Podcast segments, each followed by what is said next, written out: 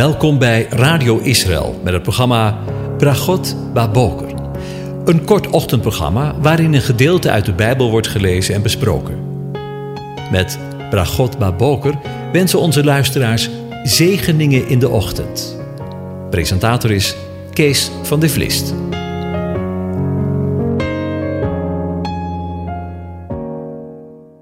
Goedemorgen, Bokatov, beste luisteraars. Vanmorgen denken we weer verder aan over Psalm 122. En ik lees opnieuw de hele psalm aan je voor. Een pelgrimslied van David. Ik ben verblijd wanneer ze tegen mij zeggen: Wij zullen naar het huis van de Heer gaan. Onze voeten staan daar, binnen uw poorten, Jeruzalem. Jeruzalem is gebouwd als een stad die hecht samengevoegd is.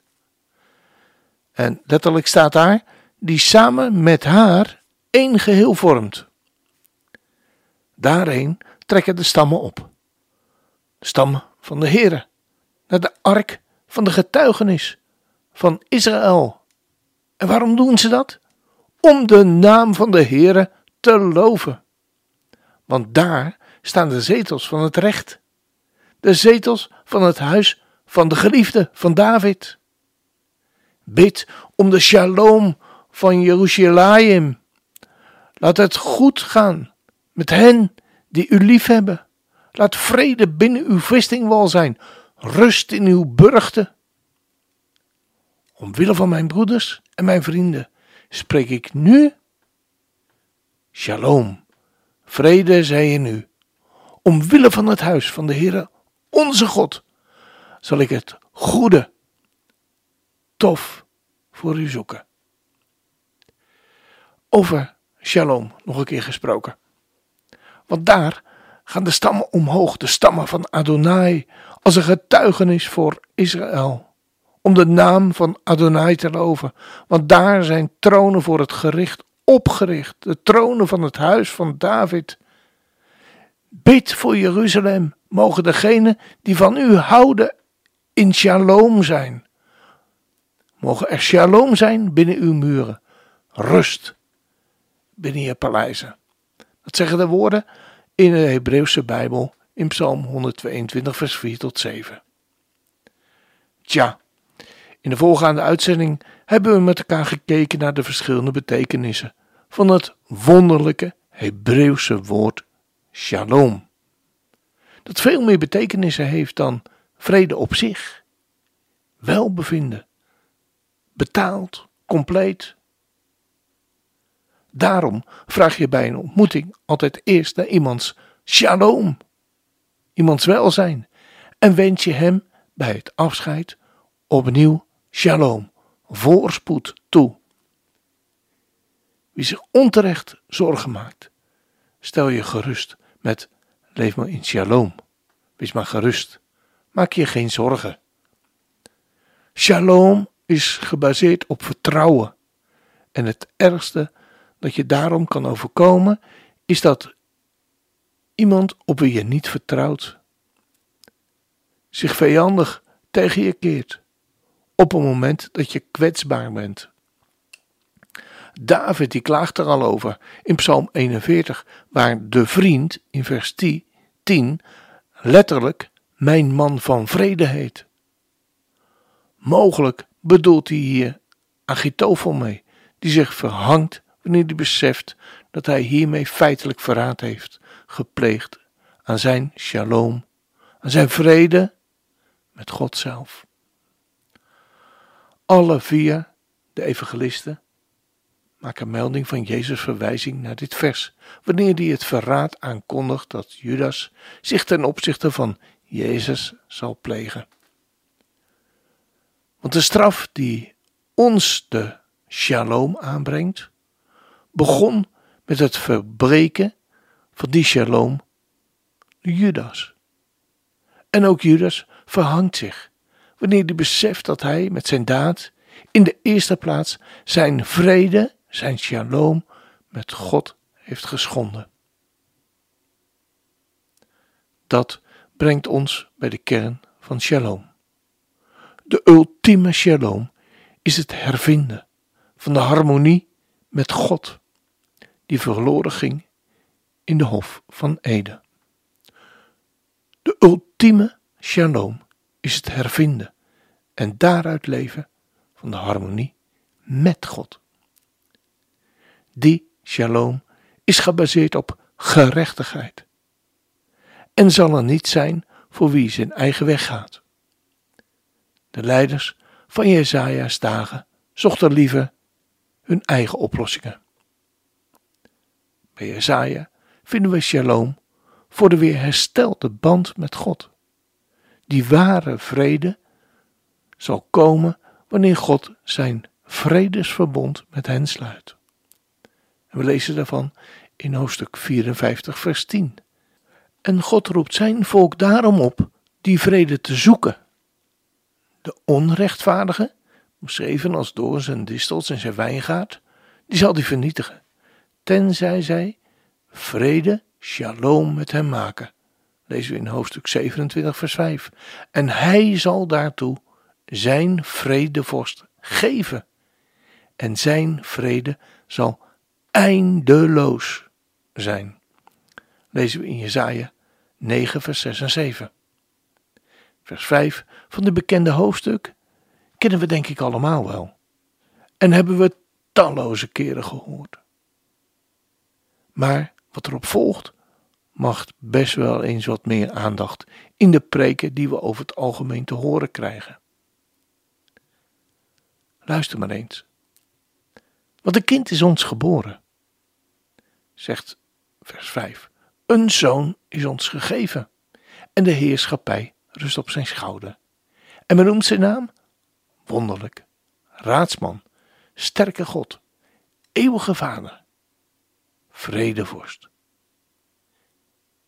Maar dan volgt vers 6.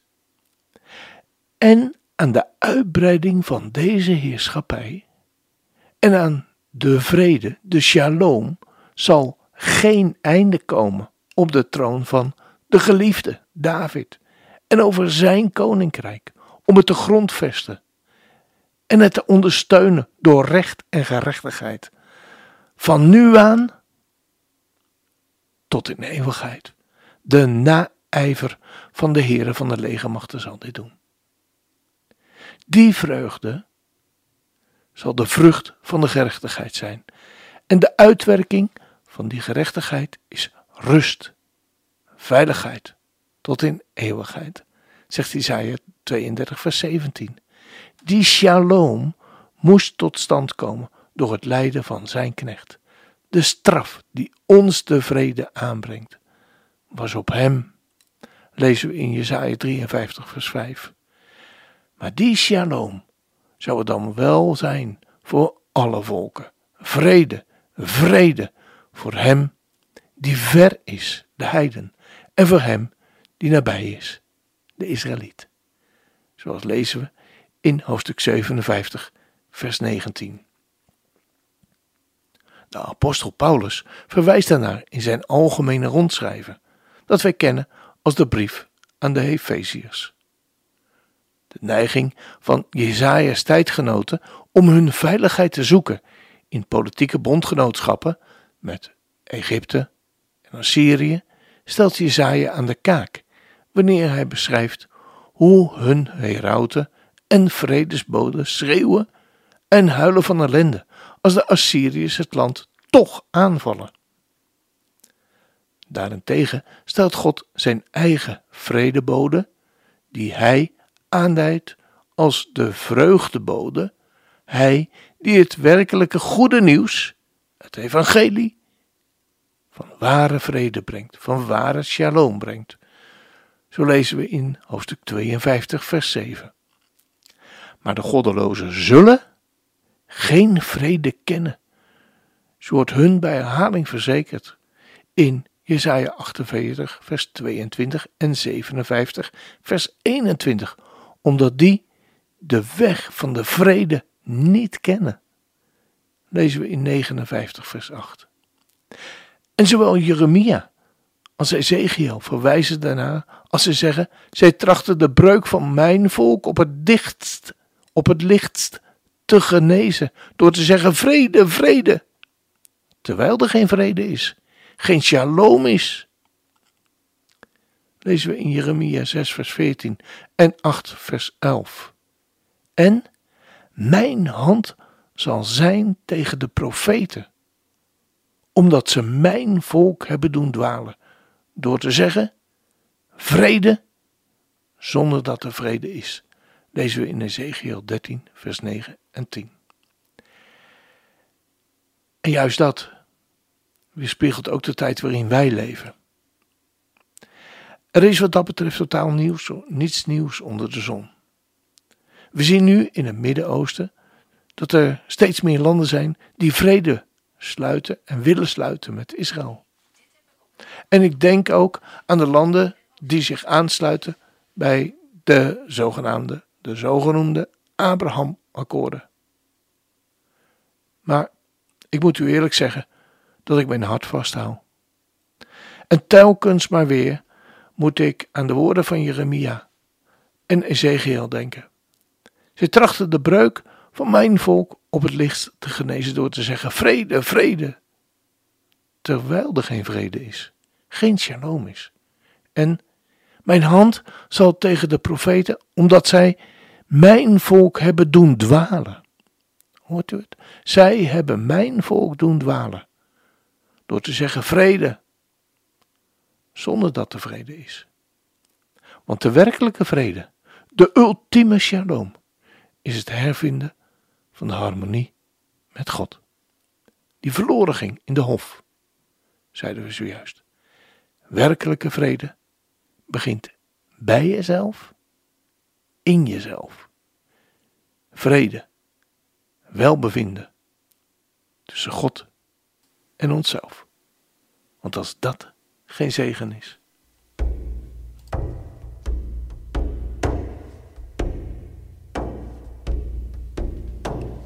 Shalom Aleichem, Malachei Shalom.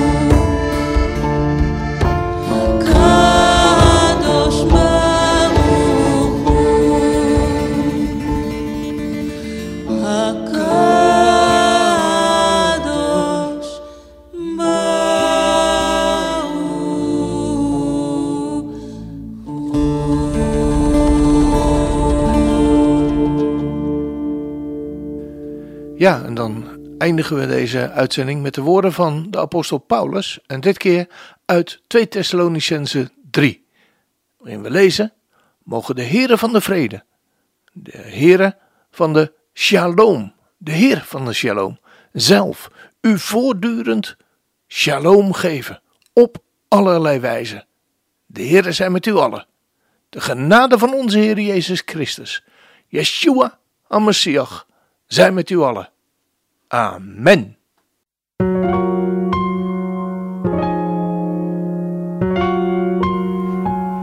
U hebt geluisterd naar het programma Bragot Baboker.